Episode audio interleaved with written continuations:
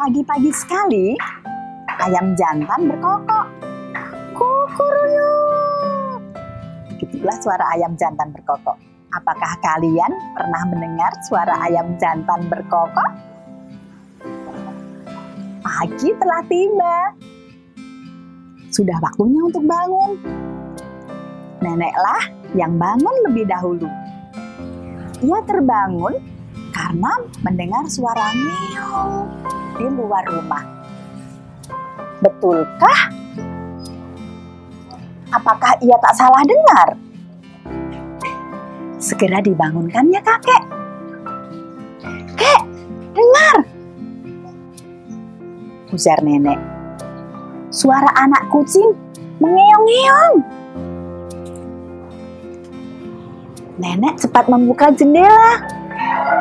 Betul, seekor anak kucing kecil mungil, hitam berdada putih, duduk di atas pagar. Siapa yang menaruhnya di situ? Oh, kek, lihat! Seru nenek kegirangan. Alangkah manisnya! Cepat-cepat kakek bangun. Terkejut. Kakek melihat kucing belang-belang di ambang pintu. Nek, lihat. Kakek gembira. Ini ada satu, si belang. Tapi sementara itu, nenek menemukan anak kucing lain di kebun. Kek, ada lagi, kata nenek. Lihat ini, hitam, mulus. Wah, tambah lagi, kata kakek tiba-tiba. Ini yang tutul-tutul. Suara ngeong makin ramai. Alangkah kagetnya, kakek dan nenek melihat kebun mereka penuh dengan anak kucing.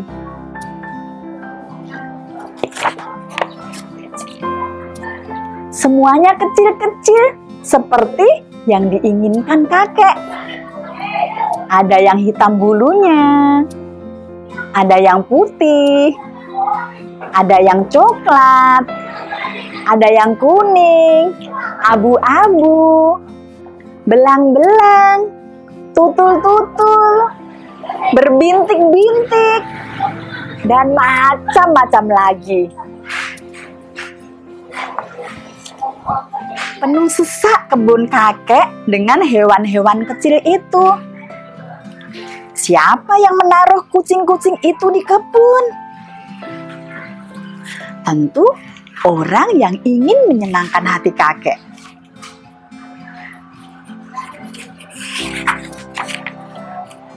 Tapi, apa yang mesti dilakukan dengan kucing sebanyak itu? Aduh, Nek, kakek. Ini sudah terlalu banyak. Aku perlu seekor saja. Sekarang ada seribu. Seribu? Seru nenek dengan kagetnya. Karena gugup dan kehilangan akal, kakek tak dapat lagi menghitung dengan baik. Pokoknya banyak sekali. Mungkin seribu kucing dan kucing-kucing itu kelihatannya menyukai kakek dan nenek. Mereka berkerumun menghampiri kakek dan nenek untuk mengajak bermain. Kakek jadi bingung. Nek, katanya, kita harus cepat cari akal.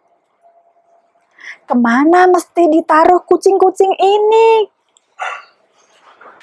Iya, kek, kata nenek. Satu saja sudah cukup. Seribu kucing terlalu banyak. Untunglah kakek segera mendapat akal. Nek, tunggulah aku di rumah. Kata kakek. Aku segera kembali. Ke mana, kek? Tanya nenek. Tapi kakek sudah berlari keluar rumah, meninggalkan kakek dan kucing-kucingnya. Kakek pergi ke rumah tukang jahit. Dua penjahit bersaudara waktu itu masih tidur nyenyak ketika kakek tiba. Kakek segera membangunkan mereka. Cepat, kata kakek. Tolong tuliskan untukku sebuah pengumuman. Waktu mendesak. Aku sendiri tak pandai menulis. Begini bunyi pengumuman itu. Dengar. Kedua kakak beradik itu menurut. Yang tertua pun menulis pengumuman yang diminta kakek di atas sehelai kertas. Sedangkan adiknya yang akan pergi menempelkan pengumuman itu. Setelah pengumuman itu selesai ditulis, kemudian adiknya menempelkan kertas pengumuman itu pada sebatang pohon yang besar. Pohon itu letaknya tepat di depan pintu halaman sekolah dasar di kampung itu. Apa gerangan isi pengumuman itu? Dapat kalian baca sendiri.